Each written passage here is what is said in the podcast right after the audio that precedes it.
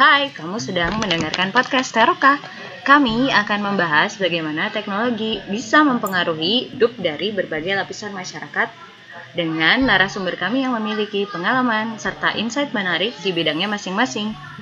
Di episode pertama ini, kita akan membahas mengenai teknologi keuangan dengan Kiki Ahmadi yang sekarang adalah EVP dari Amarta. Kiki juga sering berbagi pengetahuannya tentang inovasi, karirnya, dan pilihan-pilihan stand-up komedinya. Jadi show apa nih Ki yang bisa lu kasih ke kita nih?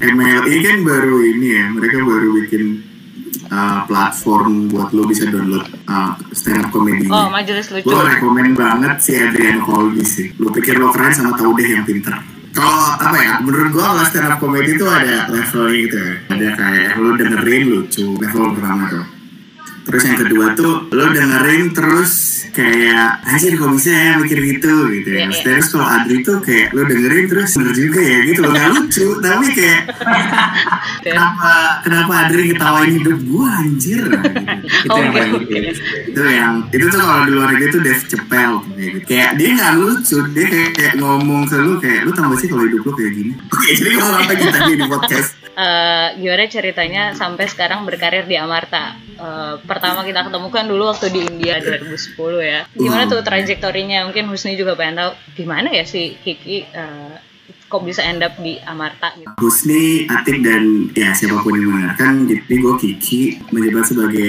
SVP Business Development di Amarta.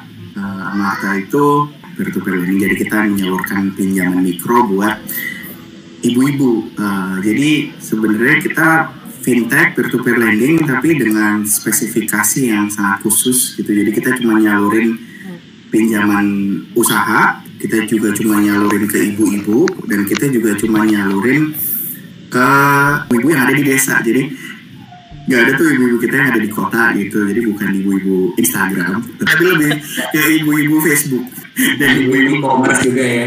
Ya itu. Jadi Amarta tuh ya lembaga finansial uh, kita memberikan mikrokredit tapi dengan segmen yang sangat spesifik. Uh, kenapa gue bisa kerja di sini sebenarnya ada hubungannya sama Atik juga tau. Gue tahu Amarta juga dari Atik sebenarnya. Jadi kan memang karir gue kan sebenarnya sepanjang itu kan di Telco ya. Jadi dari lulus sampai 2016 gue kerja di salah satu operator lah depannya X belakangnya L kan. Wow oh. sangat tidak tahu. Gak, gak enak dong nyebutin namanya gak kan enak, si, biar, enak biar susah nebaknya gitu. Uh, uh, terus ya gue ya kerja di situ beberapa lama. Terus akhirnya gue dapet kesempatan untuk dapat LPDP kuliah kuliahnya juga ngambil inovasi. Uh, sebenarnya kenapa ngambil inovasi ya itu salah satu hal yang gue suka dan menarik gitu terus ketika di Manchester kan udah setahun kuliah terus mau pulang nah itu kan Atik sebenarnya yang eh Kim lo tau nggak soal Marta? Gitu kan terus oh gue baca-baca how I end up in Marta tuh ketika apa ya ketika lulus LPD itu sebenarnya gue punya apa ya bukan bukan misi sih. Kayak gue ngerasa kayak utang sedikit utang budi gitu kan. Kayak misalnya gue dibiayai negara nih gitu kan. Terus gue mikirnya kayak uh, tapi di satu sisi gue juga kayak gue butuh kerja juga kan. Nah waktu itu offer yang masuk tuh macam-macam. Jadi ada tiga offer yang satu Amata terus ada dua lagi sebenarnya. Sebenarnya startup tapi udah gede lah. Sekarang udah unicorn gitu kan. Uh, dua ini. Terus pas ketika ya itu offer ini gue mikir gitu kan kayak karena gue DB LPDP kayaknya gue paling pertama gue pengennya yang ada ya yang ada impact impactnya gitu lah. Apa ya nggak kapitalis kapitalis banget gitu. Terus yang kedua juga gue pengen sebenarnya pengen kerja di startup yang kecil. Karena kan eh, tujuh uh, tahun kan gue udah kerja di perusahaan publik gede gitu kan. Jadi kan kayak pengen ilmu-ilmu inovasi gue nih relevan nggak gitu di asumsi gue waktu itu ada ilmu, ilmu teknologi inovasi ini mungkin akan lebih uh, terpakai kalau ya kita baru mulai bangun gitu. Setelah pikir-pikir ya udah deh ya udah nah, itu kan berarti lo excited kan? Maksudnya pada saat lo masuk fintech tuh berarti lo menemukan ada excitement di situ gitu. Apa sih yang bikin yeah. excited? Uh, sebenarnya ya waktu interview itu ada satu pertanyaan itu waktu itu yang interview uh, interview gue namanya Nadia. Waktu itu Nadia nanya kita lagi mau bikin produk keuangan buat warung kelontong gitu. Waktu itu Nadia gitu. Menurut lo apa aja yang harus dipikirin nah pas pertanyaan itu tuh intriguing banget gitu kayak karena eh, bokap gua tuh eh, jadi nenek gua eh, di Blitar itu eh, warung kelontong memang warung kelontong gitu. jadi kan sepanjang sepanjang gua ke rumah nenek gua tuh ya sebenarnya apa ya, kayak gak berhubungan gitu ya tapi kayak Hmm. Sampo gue bisa menjawab pertanyaan itu karena gue tiba-tiba kayak ini gue nggak prepare sebelumnya ya, Iya, karena gue iya. juga. Tapi gue tiba-tiba bisa ngeliat gimana nenek gue dulu kayak cash flow, ngatur harga barangnya. Itu tuh gue tiba-tiba inget di interview itu. Terus kayak terus permasalahan-permasalahannya juga gue tiba maksudnya gue bisa inget gitu kayak nggak nenek gue duitnya tuh dimasukin duitnya semuanya cash semua dimasukin eh, apa tuh kaleng kongguan nah itu Oh, savingnya dia tuh di kaleng kongguan itu tuh Itu kebohongan kali Gitu, kan? kongguan yang lain ya, kayak selain Iya. rengginang dia juga ada uang gitu ya. iya. itu tuh duit bener-bener duit kayak soal Oke. itu jadi kayak waktu itu gue kayak pas ketika menjawab pertanyaan itu tuh jadi kayak wow ini ya yang ya maksudnya yang nenek gue dulu itu sekarang ya masih relevan gitu Hmm. Eh, kebutuhan-kebutuhan finansial kebutuhan-kebutuhan apa ya eh, sebenarnya kan itu semua layanan finansial ya. Ada Hmm. saving ada mereka usaha tentunya butuh line of credit bayarnya pakai cash itu kan payment. Jadi ternyata semua itu problem di di UMKM gitu. Yang lebih spesifik lagi karena Amarta ya ibu-ibu. Ibu-ibu yang bikin di usaha mikro. Terus ya ketika gua masuk di Amarta dan menemukan itu awalnya kan kita ngeliat semua yang kita take for granted gitu kan maksudnya transfer Ya, ya, uh, ya. punya rekening uh, problem gitu Uh, ternyata setengah dari masyarakat Indonesia kan kita baru 50% yang punya rekening bank Hmm. itu tapi yang punya ya istilahnya ada dua ada unbank sama underbank Oke. unbank itu yang belum punya which is setengah populasi kita itu kan udah lumayan gede 100 125 juta 130 juta orang udah punya rekening bank for whatever reason tapi kalau kita lihat underbank underbank itu eh, kayak ini nih tadi barusan gue istri gue kemarin mau bayar mau bayar mbak yang di rumah kan. Terus nanya mbak punya rekening nggak? Punya tapi nggak pernah dipakai. Gitu. Oh, underbank tuh oke. Ya, ya. dia punya dia punya rekening tapi nggak pernah dipakai. Hmm. jadi itu kalau di eh, kemarin terakhir gue lihat laporan World Bank lebih ini lagi. 30% yang pakai yang dari yang punya dari yang punya dan pakai rutin. Jadi kan kalau underbank bisa 70% Oh, wow. 75%. Jadi financial service tuh kita kita yang eh, apa ya kita kita yang merasakan layanan finansial yang paling basic itu kita mayoritas loh.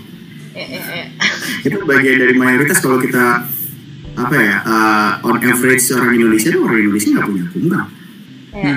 Mereka nggak pernah ngerasain eh, berhubungan dengan kon- financial service. Jadi eh, itu I think is problem yang sangat menarik untuk di solve sih potensinya besar sekali gitu ada ratusan juta orang yang belum ngerasain nah kayak misalnya gue selalu ini gue kalau misalkan interview orang gue selalu melemparkan apa ya retorika ini gitu kan Hmm. ada ada orang ada dua orang sales gitu kan terus kayak lu suruh jualan sepatu terus datang ke satu pulau terpencil gitu di Indonesia gitu yang mungkin kalian berdua lebih ini kan kalau soal ngomongin pulau terpencil gitu kan Iya, iya, iya. Dia warga pulau. Pak Husni udah sering eh, kita taruh di pulau, Iya. nggak ada apa-apa. Atik mungkin sangat dari pulau nih. sangat familiar. Nah, ada dua orang sales gitu, jualan sepatu ke pulau terpencil gitu, let's say di mana di Nias gitu kan. Terus kayak Eh. yang satu salesnya balik, bisa saya jualan kayak gini, kenapa nggak ada yang pakai sepatu? Eh. Oke, terus yang sales kedua balik, wah mantap nih pak, potensinya gede banget karena belum ada yang pakai sepatu. Jadi Eh. that's that's how the way we look at it gitu kan maksudnya ya potensialnya besar sekali kalau kita ngomong perbankan di Indonesia tuh udah 100 tahun loh di Indonesia Hmm. BNI itu 1946 satu tahun se- setelah Republik ini berdiri gitu 100 tahun perbankan Indonesia berdiri itu ya masih masih 50% jadi kan on Nggak the semua next juga ya. 100 million uh, itu ya uh, apa ya uh, uh, istilahnya ya the, the the battle is still being decided kalau kalau kita ba- bilang perbankan ini kan stagnan ya oh udah lima besar tapi kan ini baru setengah penduduk Indonesia setengah lainnya Hmm. ya the apa ya the the market is still huge and the battle is still Hmm. undecided gitu jadi menurut gue ini menarik Gua kira problemnya kayak gua sih hmm. Apa tuh? punya akun bank tapi isinya yang itu pertama punya punya akun bank sebagai syarat eh, bonus masuk ITB. Boleh. Nah, iya. Atau syarat mendapat kartu prakerja ya. Ah, iya, BLT. kampus yang sekarang ya Allah, Rusli. KTP gaji kantor masih loh. udah sih ya, sekali. Memang dia tuh senggol dikit curhat, ntar ntar keluar lagi nih. Apalagi kalau keuangan. Iya, iya tapi tapi eh, Iya, iya. eh, in a way dia loh. Maksudnya kalau kita Iya, ngomong iya. setengah populasi Indonesia, Iya. apa ya kita ngomongin kadang tuh kalau ya kita kalau ngobrol gitu ya misalnya banyak sama banyak orang bank orang Hmm. kalau ngomongin financial inclusion kan kelihatannya kayak wah ini berarti yang punya akun bank tuh orang di kampung banget nih di desa banget nih Hmm. Gitu sih loh karena itu kita ngomongin setengah populasi Indonesia jadi Iya, ada berbagai macam segmen yang mahasiswa ya mungkin mahasiswa ya dia punya akun bank tapi kan kayak transaksinya cuma tiap awal bulan sama akhir ya tiap awal bulan ditransfer ibunya Ya. Iya. terus dia nggak ada transaksi lain gitu kan cuman kayak mas keluar ma- transfer masuk berapa ya di tanggal tiga tanggal satu gitu terus sama mahasiswa itu ditarik semua nih uangnya uang cash kan Iya, balik iya. lagi nol lagi Iya. nah bayangin kalau mahasiswa kalau si mahasiswa itu for some reason kayak misalkan oh gue mau ini deh gue mau uh, usaha gitu atau gue mau ini deh ngajuin kredit ke bank bank kan ngelihat dari mutasi rekening ya untuk melihat Iya. your your behavior your uh, apa Kredit gimana risknya. perilaku finansial lo. terus apa ya kalau misalkan mutasi rekening cuma keluar masuk apa yang bisa diprediksi dari situ nggak ada kan jadi kan, ya. eh, kalau kita bilang ya mahasiswa itu adalah part of yang apa ya underserved gitu kan karena dia ya karena behavior kayak gitu dia nggak bisa dapat kredit. Kalau misalkan gua mau buka franchise atau gua mau ini nggak bisa dia dapat kredit dari bank konvensional gitu. Kan jadi ya itu tadi kalau kita ngomongin uh, populasi masyarakat yang uh, underserved by financial service kita nggak ngomongin cuman ibu-ibu di desa di kampung di ini enggak juga. Karena kita ngomongin setengah populasi Indonesia. Jadi kan pasti banyak sekali segmen-segmen masyarakat yang di kota bahkan mungkin juga uh, ini yang potensialnya besar sekali untuk financial service yang develop for them gitu.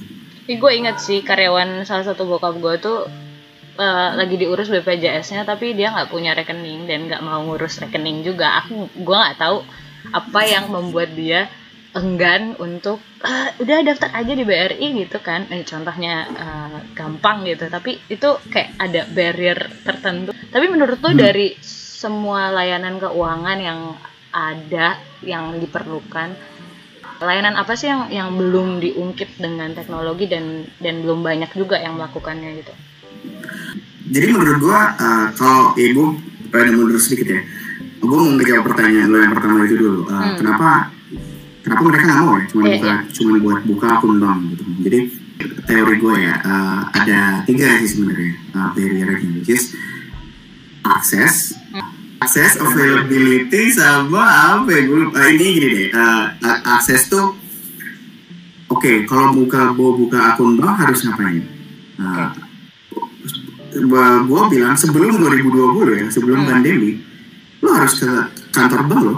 Iya. Kecuali mungkin Genius gitu. Tapi Ya. 2000 sebelum 2020 cuma Genius yang lo bisa dari handphone. Bahkan bank yang, yang lain tuh apa pun semuanya harus ke ya uh, perwakilan kantor cabang terdekat. Ya ya bayangin kalau lo tadi kan kalau di kalau lo di pulau gitu kan kayak berapa yang harus uh, lo harus berapa effortnya berapa gitu uh, harus ke bank gitu. Terus yang kedua kalau kita lihat apalagi di ibu-ibu amarta ya, yang kedua adalah produk desainnya uh, produk desain uh, dari bank itu nggak sesuai sama ibu nggak sesuai kayak gini lu bayangin uh, ya tuh ibu-ibu warung gitu kan. Hmm. duitnya cash gitu dia mau nabung. Nabungnya berapa sih? Mungkin kayak let's say dia mau cuma nabung lima puluh ribu gitu. Kalau lihat perbankan mungkin ya sekarang udah banyak tapi ya beberapa mayoritas produk perbankan sekarang kan pertama ada minimum deposit. Ya. Ya kan? Ada minimum deposit. Minimum depositnya berapa? Terus yang kedua ya itu tadi kan kalau lo hitung gue cuma mau nabung lima puluh ribu tapi gue harus naik motor setengah jam antri setengah jam lagi Em, jadi ya itu udah kayak mikir kan. Maksudnya ya nggak usah nggak lu nggak nggak nggak usah lulus kuliah untuk mikir kayak lima puluh ribu terus ada ininya. Terus yang kedua uh, let's say mereka nggak ngerti gitu kan mereka nggak ngerti. Uh, gitu kan kita asumsi mereka udah ngerti produk perbankan let's say mereka nggak ngerti awarenessnya nggak ada gitu. Mereka pasti akan mikir gitu buat apa?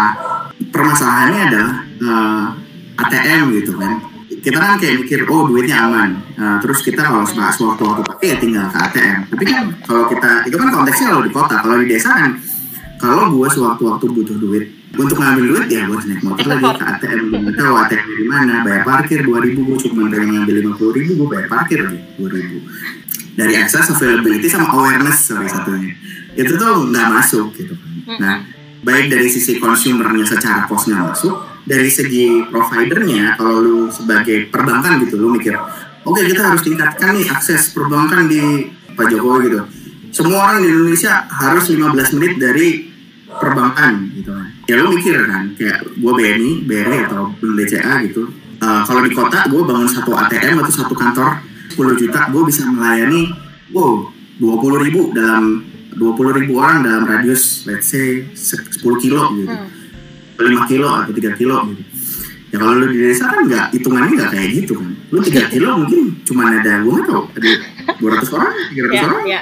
Jadi kayak uh, for the same investment amount, uh, return of investmentnya kalau nyediain infrastruktur perbankan di luar Jawa lah let's say, itu ya nggak make sense. Jan. Jadi kayak cost yang harus dikeluarkan untuk bikin ATM aja. Ya. Kalau di kota dia bisa nge-reach berapa orang, kalau di di luar kota atau di area rural, ya mungkin setengah dari itu. Ya. Sementara kan kalau akses perbankan mungkin ada fixed cost yang nggak bisa di scale down sesuai dengan scale of bisnisnya. Jadi ya uh, cara yang paling logis ya udah nggak usah gue nggak usah bangun di situ Ya, ya. gitu. Kecuali ya mungkin ya yang kayak BRI gitu atau atau bank-bank pemerintah yang memang wajib atau memang di ada dana dana BUMN yang dialokasikan ya udah lu bangun walaupun gak untung lu gua kasih duit buat bangun tapi nah dari situ kemudian teknologi masuknya dari mana ya? Teknologi masuknya itu untuk lower the barrier for it gitu. Mm-mm. kalau kita bikin ATM uh, oke mungkin bikin ATM rada, rada ini ya uh, karena lu harus ngeluarin duit. Tapi let's say bikin kantor deh. Bikin kantor gitu walaupun misalkan di kampung biasanya kantor kecil-kecil gitu. Kalau capem gitu kan kecil tapi kayak ya bikin kantor berapa karyawannya berapa. Ya kita bu kita buka akses pelayanan perbankan semua SOP-nya melalui ya melalui smartphone melalui teknologi-teknologi is actually lower the cost of access gitu kan. Basically aksesnya become zero. Ya. jadi gitu sih peran teknologi maksudnya uh, itu juga salah satu kenapa fintech di 2016 tumbuh besar karena Android gitu Android dan internet semakin dan bahkan sekarang gitu ya. Um, kalau lihat YouTube deh. YouTube tuh isinya apa? Itu mencerminkan uh, demokratisasi teknologi. Dangdut Academy masuk YouTube gitu kan. Sekarang terus kayak ya kalau kayak gitu berarti orang-orang yang nonton Dangdut Academy sekarang udah bisa akses YouTube gitu kan. Iya. kita bisa melihat itu kan. They, they have the access to the internet. Jadi uh, ya teknologi becomes the access awareness juga. Sama ya kalau dia bisa install app dan itu accessibility juga. Gitu dia bisa melakukan transaksi di situ. Jadi peran teknologi di gak cuma financial service ya tapi basically uh, lowering the barrier untuk itu gitu. kan tadi Mas Kiki bilang teknologi bisa lowering the barrier Hmm. ke user ya untuk akses perbankan dalam ini konteksnya si yang gua mau tanya usernya sendiri sadar nggak sih bahwa teknologi ini tuh bisa bantu mereka atau harus di push atau gimana Um, ya Ain, itu pertanyaan yang bagus banget Husni. Jadi uh, balik lagi ya, itu tadi kan kita bilang teknologi bisa menjadi alternatif untuk uh, delivering gitu ya. Delivering sebelumnya lu harus uh, down, apa harus invest infrastruktur yang banyak. Dengan adanya teknologi, dengan adanya smartphone, dengan adanya internet yang lebih bahasa Inggrisnya ubiquitous gitu. Jadi lebih lebih lebih banyak lebih bisa diakses di mana-mana tuh lower. Tapi itu pertanyaannya kan sebenarnya pertanyaan lainnya. Oke kalau misalkan uh, secara cost sudah masuk tapi kalau kita tanya usernya willing nggak untuk pakai in this another story gitu karena kita uh, ambil contoh gini deh uh, ini menurut gue salah satu kontras yang bagus kenapa semuanya nggak bisa diselesaikan dengan bikin app gitu kalau dalam konteks financial service. Ken- Misalnya kita bikin Genius atau segala macam perbang, uh, aplikasi perbankan itu kan kelihatannya sangat revolusioner gitu. Itu kenapa? Kenapa banyak yang kenapa banyak yang ngerasa itu oh, memudahkan? Karena kalau kita lihat kita harus lihat base apa ya uh, base experience-nya dalam kalau perbankan gitu. Dulu buka akun uh, harus ke bank, harus uh, ingin waktu, harus antri, ngisi form, mungkin harus fotokopi KTP dulu, Bayar parkir. Bayar parkir gitu kan, harus ya itu kan uh, nyelinap nyelinap dari kantor kalau bos tuh galak gitu kan, misalkan. Karena kan jam kerja, Iya, nggak- nggak betul, buka, betul, kan. betul, betul. Uh, ja- uh, Sabtu Minggu ya baru beberapa cabang cabang Beberapa cabang, ya. gitu kan. Base experience-nya itu terus Genius menyediakan aplikasi which is yang itu kan kayak jauh lebih experience-nya jauh lebih bagus, jauh lebih enak, jauh lebih dan itu ada dalam right now gitu kan. Jadi kan dari base experience sama experience yang ditawarkan tuh jauh, eh, apa eh, peningkatannya ya 10x gitu, 10x Ya, gitu kan. ya, Kayak oh buka lah ya. akun tinggal 5 menit udah langsung di video call terus udah jadi udah langsung bisa dipakai gitu kan Mm-mm. ya itu make sense tapi bayangin kalau misalkan di other user mobile app itu mungkin akan justru lebih buruk kenapa ya bayangin ibu-ibu tadi ya kita misalnya ibu-ibu Amarta atau ibu-ibu di desa di warung gitu kan model-model ibu di desa ini sama seperti Amarta banyak banyak sekali uh, lembaga per, uh, lembaga finansial Gramin istilahnya atau koperasi simpan pinjam tuh memang uh, menyediakan finansial apa ya kayak kebanyakan mikrokredit sih. Tapi intinya mereka itu ada petugasnya. Mereka nyamperin ibu-ibunya biasanya dalam satu kelompok seperti yang Marta uh, sediain. Dan mereka beri terima cash. Jadi dari ibunya dia bisa terima cash uh, nah sekarang bayangin kalau kita sediain aplikasi ya base experience-nya udah beda banget. Ibu-ibu ini biasanya dia nggak harus ke mana-mana dia ngumpul bareng teman-temannya. Usaha ibu-ibu di kampung kan semuanya cash base ya warung. Warung tuh kan kayak terima pasti cash nggak mungkin dong warung. Ya tahu kalau zaman sekarang. Mungkin zaman sekarang tuh masih jarang cash gitu kan. Jadi duit yang ada di dalam yang mereka pegang tuh semuanya cash. Ya. jadi ketika kayak misalkan oke bu sekarang kita bisa buka aplikasi lewat lewat app nih ibu tinggal download terus daftar beres base experience-nya sama experience pakai app jauh lebih jelek loh. Oke kalau pakai app gue harus belajar dulu satu. Terus yang kedua ini duit gue cash cash semua nih. Terus kalau pakai app ini gue harus Iya, gimana? Gue iya, harus iya, benar. harus ini oh ya gue harus ke gue harus ke mana gitu ke bank dulu itu. Terus yang ketiga kayak sebelumnya gue ngomong sama orang ada petugasnya gitu. Kayak kalau nggak ngerti gue tinggal aneh ini gimana ya? Aneh ini saya mau ngajuin pinjaman lagi gitu. Terus kayak ngomong nah itu basic experience-nya lu dibandingin sama kayak sekarang. Pakai app wah ini gue udah appnya susah. Terus kalau misalkan gue nggak tahu harus nanya siapa. Jadi itu tadi kan kalau kalau dibandingin kalau di kota mungkin best experience dasar lu dalam financial service adalah ke bank ya dengan dengan aplikasi itu jauh lebih baik. Tapi kalau ibu-ibu di kampung best experience yang ngobrol dan petugas petugas financial service-nya kayak nyamperin Iya. ya kalau di app ya malah lebih jelek dong. Jadi kayak um, that's something ya teknologi bisa bisa lower the barrier tapi ya apakah itu otomatis uh, orang akan berbondong-bondong datang karena cuman lu pakai teknologi terbaru? Nggak juga.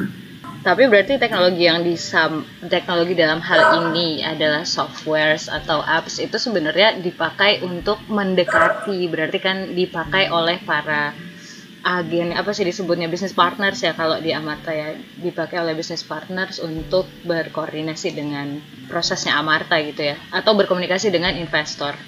Bener gak? kalau di Amarta sekarang memang sebelumnya sebelum tahun-tahun ini kita udah mulai ini udah em, dan ini juga salah satu salah satu apa ya unit gua yang bertanggung jawab untuk kita memang lagi mengutak-atik caranya gimana kita pakai ibunya pakai app gitu basically simpelnya gitu kan. Karena menurut gua fungsi teknologi itu tadi tetap it's going to be more efficient it's going to be more uh, cost uh, effective. Kalau pakai teknologi it's going to be more ngebuka ngebuka peluang untuk kita enable berbagai macam layanan yang sebelumnya nggak bisa gitu. Fungsi itu tetap ada. Challenge-nya adalah um, sebelumnya uh, kita pakai teknologi cuma sampai di petugas kita nih ibunya belum pakai nah di tahun ini sebenarnya kita dan tahun ke depan tentunya gimana caranya kita mulai uh, make sure kalau ibunya mulai adopt gitu mulai install aplikasi mulai bisa ngajuin pinjamannya lewat aplikasi, mengakses berbagai layanan perbankan yang lain.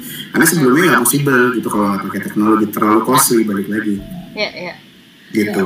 Yang menarik tuh sekarang kan yang gue tahu um, Amarta sekarang buka di Sulawesi. Sebelumnya base-nya di di Jawa kan. Ada nggak sih uh, perbedaan signifikan dari karakteristik pelanggannya atau apanya gitu? Apa insights yang lu dapet? Hmm, uh, beda sih. Oh, obviously. Beda ya, beda, beda beda. Udah itu dah. Oke next question. Oke, next. nah ini ini pertanyaan bagus. Eh, jadi emang di uh, sebenarnya di tahun 2019 sih bisa di tahun 2019 emang Amarta uh, jadi gue di ketika gue join Amarta tuh emang kita masih uh, pas banget kita mau expand ke seluruh Jawa. Jadi sebelum 2016 sebelum gue join atau ya di gue join 2017 ya. Di sepanjang 2017 itu sebenarnya Amarta kan Tovan mulainya dari Jawa Barat gitu. Jadi fokusnya uh, nyebarin ke semua Jawa Barat. Gue masuk itu kita mulai expand ke seluruh Jawa Jawa Barat, Jawa Timur. Nah di 2000 Uh, 19 awal 2018 2018 2019 itu kita expand ke dua Sulawesi. Sumatera dulu uh, Oh, terus oke. baru Sulawesi. Ya jadi Sumatera dulu sebenarnya. Eh sorry sorry Sulawesi dulu sorry. Sulawesi dulu. Sulawesi dulu uh, sang terus Sumatera baru ya ini akhir uh, kita cover semua di 2020 awal gitu. Perbedaannya banyak banyak yang beda makanya uh, uh, operasional kita juga tergantung konteks yang paling paling emang ya kalau Sulawesi ya density-nya nggak sebanyak Jawa kan Ya. uh, which is itu juga uh, ini juga apa uh, ngaruh ke sebenarnya ngaruh ke the way we serve ibu-ibu gitu. kalau kalau Amarta kan kita ada grupnya Ya. ada grupnya lima nah itu tuh gitu harus dimainin juga kayak misalnya kalau di Jawa 15 orang sih gampang gitu ya kan. Satu kampung mungkin ada berapa gitu. Jadi bikin uh, kumpulan 15 orang. Atau malah di Jawa kita minimal 20 gitu orang. Yang bisa 20 25 gitu. Nah kalau mungkin di Sulawesi sama Sumatera ya waktu itu gue taunya kayak di Palopo gitu atau di Bone gitu. Uh, terus ya akhirnya kayak um, kita harus mainin itu jumlah jumlah grupnya jumlah pinjamannya juga kita ini karena Kebutuhan. usahanya juga juga beda-beda gitu. Misalkan di Jawa mungkin usaha warung eh, tiga juta gitu mungkin udah lumayan gitu tapi kayak misalkan di sana harga harga harganya harga logistiknya mungkin kayak tiga juta mereka juga Wah. kalau tiga juta nggak nggak cukup nih untuk bikin misalkan ya ya mungkin cukup tapi mungkin terlalu net ini jadi eh, besaran pinjamannya juga kita adjust juga gitu sih. Oh, sampai berpengaruh. Iya berpengaruh juga karena kan uh, ya itu tadi ya kalau ada Hmm. apalagi kalau yang paling usaha warung-warung itu kan ini banget ya uh, logistik gitu drift apa uh, ya kayak ini eh, contoh sebuah contoh nggak berhubungan tapi uh, menggambarkan bagaimana potensi dan peluang. Kemarin gue ada acara internal gitu di kantor terus ya gue masih kan kita suka eh, kayak di apalagi di PSBB ini kita kayak eh, tiap minggu ada kayak bukan sharing tiap-tiap orang atau tiap leader suruh apa ngapain lah yang nggak berhubungan sama kerjaan gue waktu itu sharing buku kan buku apa yang gue suka baca terus untuk semua yang nanya gue gue gue udah gue udah di awal gue udah oke semua yang nanya gue kasih buku gitu. itu sesuatu yang lumayan harusnya gue mikir-mikir dulu nih karena Amarta kan Sulawesi Sumatera Jawa ya ternyata Iya. Eh, ketika yang Sulawesi harga buku lima puluh ribu, gue ngirim tujuh puluh ribu. Jadi Rugi ada harga banget. bukunya delapan puluh ribu, ongkir JNE-nya tujuh puluh ribu juga gitu kan. jadi walaupun ya, ah, itu lah ya. Jadi apa ya, itu kan itu satu hal ya. Bayangin ya kayak warung kelontong gitu ya. Mungkin mungkin jadi kayak kalau bu, lo buka warung kelontong di di eh, di Bone atau di eh, di mana gitu jadi pasti kan harga barangnya harga logistiknya harga logistik mungkin ongkir nggak ada ya. Kalau kebanyakan kalau kita tahu misalkan oke ongkirnya nggak ada dua-duanya nggak ada di Jawa nggak ada di sana nggak ada. Tapi mereka kayak to cover for that ibu-ibunya di, dibebankan dengan minimum order yang lebih besar gitu. Misalkan kalau di Jawa pesan satu box Indomie dia distributornya mau nganterin gitu kan. Hmm. tapi kalau di situ mikir-mikir kayak wah tiga ratus ribu dulu lima ratus ribu dulu baru dianterin. Jadi kan kayak oh ibunya harus ke pasar dulu. Jadi that apa ya itu berpengaruh dengan besar pinjaman gitu karena kan Ya. Kalau di uh, kalau di Amarka kita uh, kalau kita kasih pinjaman dan pinjaman itu nggak 100% mem, apa ya, mengempower bisnisnya itu risk buat kita kan. Iya. Karena mereka bayarnya nanti pakai apa kalau mungkin kalau bisnisnya Kayak mahasiswa gitu. dong ya. Iya, Iya kan itu sebenarnya itu konsep konsep dasar kalau ini kira kredit produktif ya. Sepakat. Iya Ya. kalau semakin basically semakin lu bisa ensure semakin apa ya dengan berbagai macam SOP, credit scoring, uh, uh, proses dan teknologi, kalau lu bisa ensure ini pinjamannya kena banget, sa- uh, pinjamannya bisa bisnisnya berkembang, kayak repayment atau angsuran yang di, di, dibayarin ke lu tentunya nggak akan masalah karena kalau bisnisnya berkembang kan itu Hmm. itu jadi murah gitu buat mereka. Nah, cuman kalau berapapun pinjamannya lokasi, tapi pinjamannya nggak nggak apa ya tidak berdampak terhadap economic size-nya mereka ya pengembalian pinjamannya menjadi mahal gitu karena udah uh, size bisnisnya X dikasih pinjaman tetap X ya Ya. X-nya itu harus dikurangi sama angsuran yang harus dibayarin ya. Jadi shrinking malah jadinya ya. Iya, ha, jadi buat buat mereka pinjaman lo justru yang ngebebanin cash flow atau ngebebanin, ngebebanin ini kan. Eh, berarti kalau di Sulawesi itu lu masuknya pasti kan ke desa atau pernah nggak sih nyampe ke pulau gitu yang kayak barangnya harus taruh ke tinting lah atau enggak nih Ah, kayaknya. gua eh, sebenarnya em, itu gua technically gua nggak nggak Iya, terlalu iya. tahu ya karena eh, biasanya sih ya pas akhir awal tahun tuh emang gua heavy banget tiap minggu gua bahkan ke, ke bahkan ada satu saat gua kayak di rumah Senin sampai Kamis gua keliling em, ini kan keliling ke Hmm. Amarta jadi kita lihat tapi Sulawesi Sumatera gua jadinya nggak belum pernah gitu belum Iya, pernah ke sana jadi cuman ya nggak usah di Sulawesi lah Eh, ada di di Bogor di Bogor sini Hmm. ada namanya daerahnya gue lupa apa ya nggak salah Tenjo Cilengsi disebut. Cilengsi Iya. rumah Husni. eh tenang tenang Kiki di Cibinong. Cibinong ada daerah terpencil di namanya apa oh Cibinong Cibinong. Gue tahu depannya Cici gitu. Iya, nah, jadi di Tenjo tuh ada satu uh, area Amarta gitu desa Amarta tuh sungai ada sungainya dan Oke. sungainya itu uh, ada jembatannya kecil di kalau banjir keputus gitu ya. Oh, jadi gak usah jauh-jauh ada kalau untuk ke Tenjo itu si petugas kita naik motor naik motornya naik kapal kecil dulu gitu. Oh, Jadi, Oke, si yang Um, nambang gitu ya. Iya, gue gue ngapain sih naik motor terus gitu ya. Eh, cuman beberapa beberapa puluh kilometer aja dari istana iya. negara, Oh, jadi jadi jadi politik ya. iya iya, saya cocok sama Husni kalau gitu. ya jadi eh, jadi memang ya em, eh, kompleksitas ya, ya, maksudnya ya kompleksitas operasional di situ, tapi itu juga menggambarkan kompleksitas apa ya eh, usaha. Kan ibu-ibu kalau usaha berarti kan logistiknya gimana kalau kayak gitu? Kalau ibunya bikin warung gitu kan. Terus kayak misalkan kalau dia bikin apa ya bikin hobi industri bikin keset nih. Yang paling paling banyak amarta kalau Jawa Barat bikin keset atau bikin apa sih dari sisa-sisa limbah. Bukan limbah sih dari sisa-sisa kain konveksi gitu kan. Gim- ya gimana gitu? Maksudnya kalau di kota lu tinggal tomrokin aja di agen JNE gitu buat online. Tapi kayak kalau ibu-ibu kayak gitu kayak gimana gitu? Iya, Eh, dia harus untuk gue nggak tahu gue nggak tahu ya. Gue asumsi tapi kayak misalkan JNE terdekat atau ini terdekat kalau dia harus naik naik itu dulu buat nyeberangin sungai pasti kayak eh, berbeda sekali gitu. Apanya eh, cost of doing businessnya gitu. Benar-benar.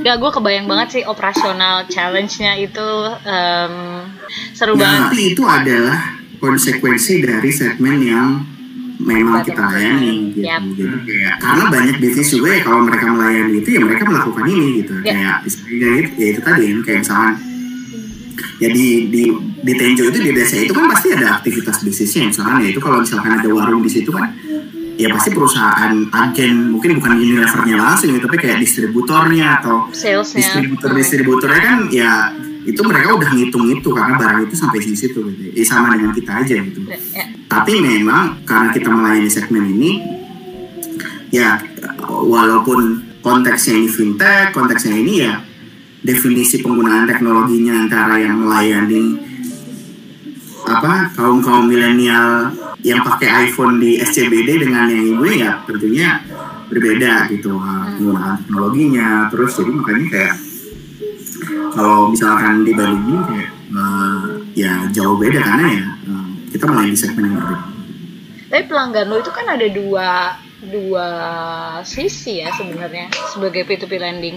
Si ibu-ibu yang banyak kita obrolin sekarang sama mungkin kayak gua dan Husni gitu kayak eh, investor pemula kah atau investor yang memang punya nyari portfolio uh, untuk Hmm. in- menginvestasikan uangnya gitu. Nah, apa sih yang lo lihat uh, itu kan serving dua kayak dua sisi mata uang yang agak beda bayangan gua. Ya itu uh, nature bisnisnya platform juga ya. Kalau platform kan emang bisnis modelnya ya two-sided bisnis model gitu. Jadi ada dua ada dua ada dua sisi konsumen yang lo layani dengan berbeda ya. Ada kalau di Emerta kan ada lendernya, ada investor lah kita sebutnya investor yaitu orang-orang yang menyalurkan uangnya sama ya ibu-ibu ini yang borrower jadi ibu-ibu yang uh, mengajukan pinjaman gitu. Jadi kalau di Amarta sih itu dua dua dua divisi lah dua Hmm. organisasi yang bukan dua organisasi lah dua tim yang berbeda. Dan memang caranya ya beda ya maksudnya um, kalau di sisi lender ya basically sama seperti kayak perusahaan teknologi ya maksudnya dari sisi how we reach them aplikasi gimana ininya ya hampir sama dengan perusahaan fintech yang lain. Tapi kalau dari sisi borrowingnya ya itu berbeda sekali. Jadi dari segi dari segi marketing aja dari segi ini kan berbeda nggak mungkin kita pakai uh, bahasa yang sama campaign yang sama untuk dua sisi kan mungkin Ya. juga. Gitu. Jadi um, ya itu emang emang apa ya emang nature dari bisnis marketplace. Gitu. Atau uh, ya platform kan. Kalau platform kan ada satu sisi ada dua sisi atau bahkan ya ada tiga sisi mungkin kalau ada multi side platform